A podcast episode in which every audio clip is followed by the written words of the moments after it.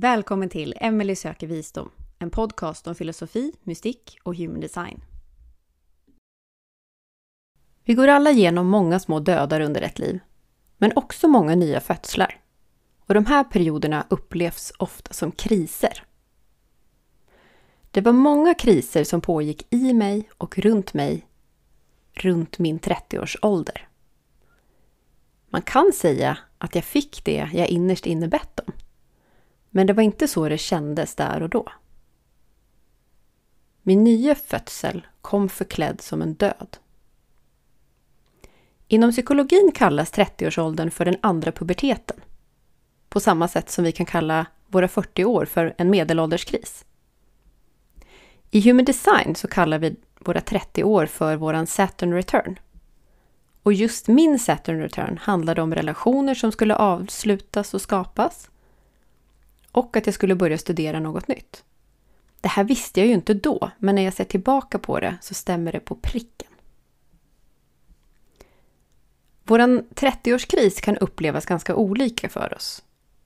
För vissa är det förväntningar som kraschlandar. För andra en förståelse om att livet inte kommer bli så som vi har drömt. Andra igen kan uppleva ett utvidgande av sin förmåga att förstå, en insikt i livet som tvingar ens medvetande att lägga pusselspelet på nytt. För somliga handlar det om relationer, för andra om vem man är själv, vem man skulle bli i detta livet. Och för mig handlade det också om att förstå verkligheten från ett helt nytt perspektiv. I min Human Design-karta har jag en egenskap som kallas för chockporten. Det betyder att de förändringarna, de förvandlingarna jag går igenom i mitt liv aldrig kommer smygande.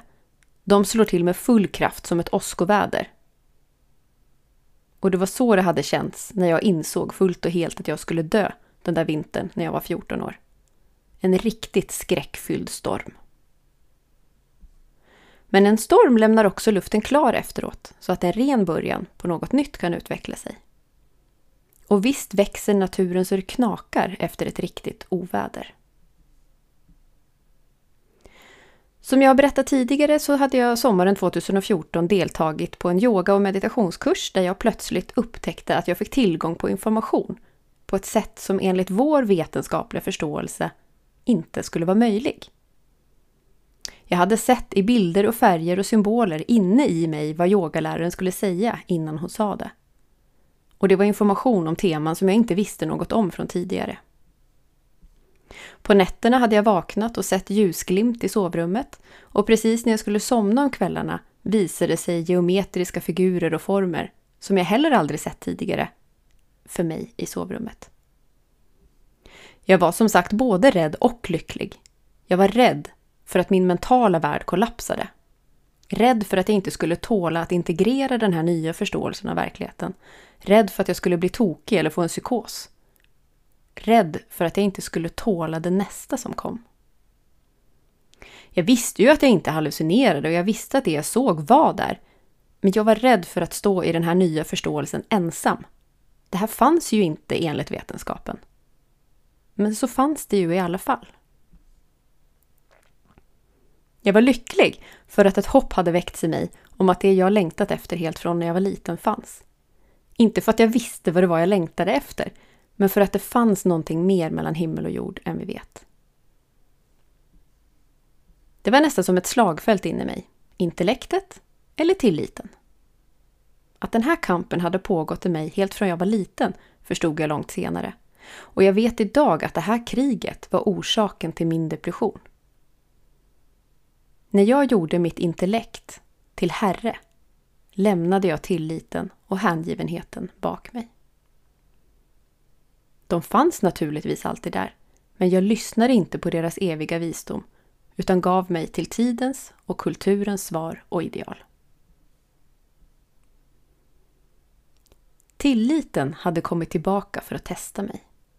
Nu skulle det visa sig om jag vågade lita på det där som inte finns i vår värld, eller om jag skulle fortsätta att vända mig till intellektet som min herre.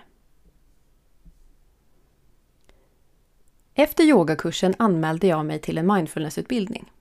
Jag var tvungen att ta tag i det här nu, en gång för alla. Jag hade ju läst en del sådana här böcker som pekade mot någonting annat. Eckart Tolle, Elisabeth Kübler-Ross, buddhistiska skrifter. Och jag hoppades att den här utbildningen skulle kunna ge mig svar där jag upplevde att de här böckerna och texterna fattades någonting. Jag hoppades att jag skulle hitta en trygghet eller att jag skulle hitta något som ledde till att min rädsla för döden och det meningslösa skulle försvinna en gång för alla. Den utbildningen jag valde att söka på hölls av en man som hette Ivar. Han såg sträng ut på bilderna. Men jag kände i alla fall att det fanns ingen annan utbildning jag ville gå, det var den här. Jag hade liksom inget val.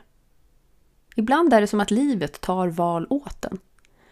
Och de valen kan ofta visa sig vara de bästa. Den stränga mannen visade sig inte vara så sträng. Och han har idag blivit min man.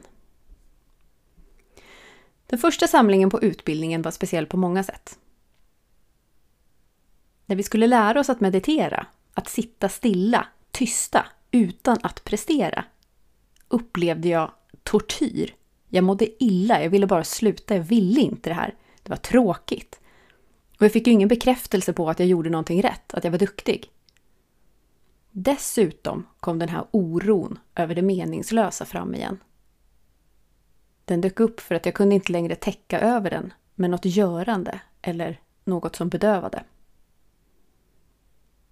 Efter den första samlingen på mindfulnessutbildningen hade jag två veckor i rent mörker. Det kändes som att allt rasade in i mig. Vem var jag om jag inte skulle gå runt och söka bekräftelse på att jag dög där ute? Vad skulle jag lyssna på om jag inte lyssnade på hur världen där ute tog emot mig? Det kändes tomt. Och den tomheten var den som lockade fram meningslösheten. Om jag inte sökte tillfredsställelse genom att jaga efter mål, vad i helvete skulle jag göra då? Det kändes som att jag stod mitt i ett svart rum utan väggar och golv. Och inne i mig ropade den iskalla kylan från ingenting. Och ändå visste jag att det här måste jag gå igenom, även om jag inte visste vad som fanns på andra sidan. Jag visste inte ens att det fanns ett andra sidan. Mindfulnessutbildningen gick över ett helt år och den var väldigt annorlunda än jag trodde den skulle vara när jag började. Jag skulle kunna dela in mitt liv i före och efter. Och det finns det mer än en orsak till. Det ena var att jag kunde börja nysta upp i det jag trodde var den enda sanna verkligheten. En av lärarna på mindfulnessutbildningen var en dansk neuropsykolog och han hade förklarat vad det här med forskning egentligen innebar. Vi kan faktiskt forska på oss själva. Jag kan forska i mig och mina erfarenheter. Och det enda jag faktiskt vet, det är ju det som jag har erfarit själv. Och så kan det hända att jag imorgon vet ännu mer. Som kanske visar att det jag erfart igår inte längre är sant. Precis så som det är med vetenskapen. Och det här gav på ett vis ett lite större svängrum in i mig själv. Jag kunde utforska det här med vårt medvetande. Vad vet vi egentligen? Finns det andra sätt att hämta information på än bara det som vi har blivit upplärda? Plötsligt hade verkligheten blivit så mycket större och så mycket mer intressant. Men det var någonting annat som också kom fram från den smältande snön genom mindfulnessutbildningen. Sedan några år tillbaka hade jag haft en del symptom på stress. Jag hade ju två små barn som krävde mycket. Men det var det ju många andra också som hade runt mig utan att vara så slitna som jag var. Jag vaknade om nätterna och mådde så illa att jag trodde jag skulle kräkas ibland.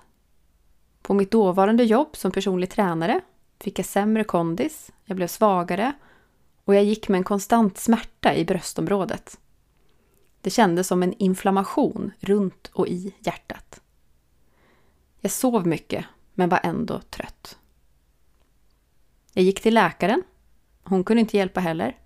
Alla proverna var fina och hennes enda svar var att jag var stressad och borde träna mindre.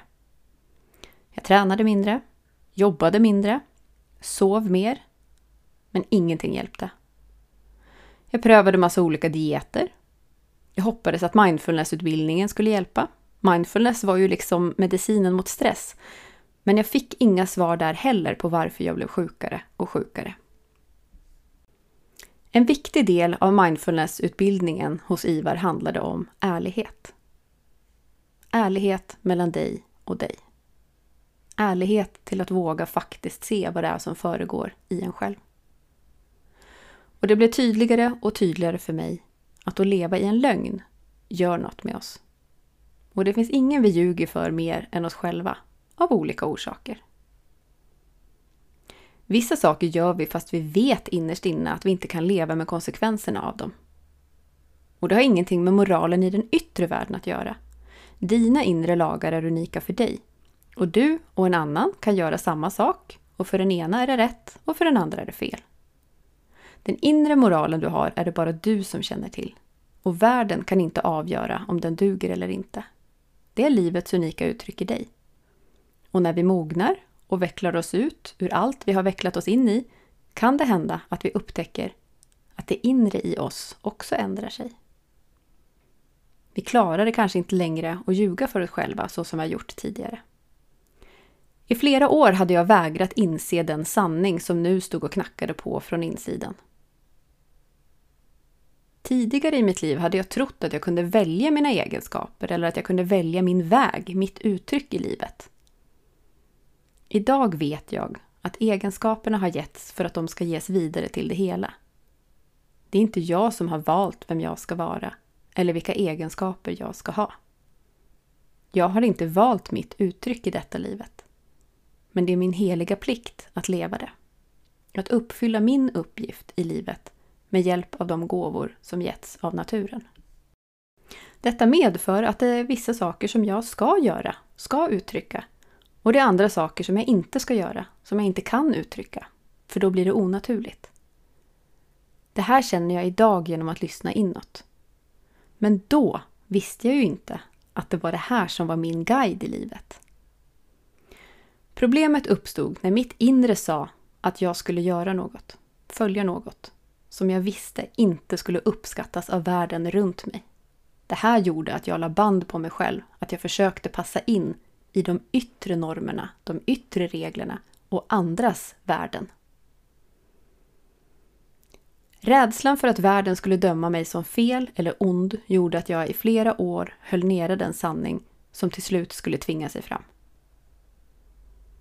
Jag hade länge vägrat inse att jag var tvungen att ta ett stort val som skulle få stora konsekvenser för både mig och människor jag hade runt mig.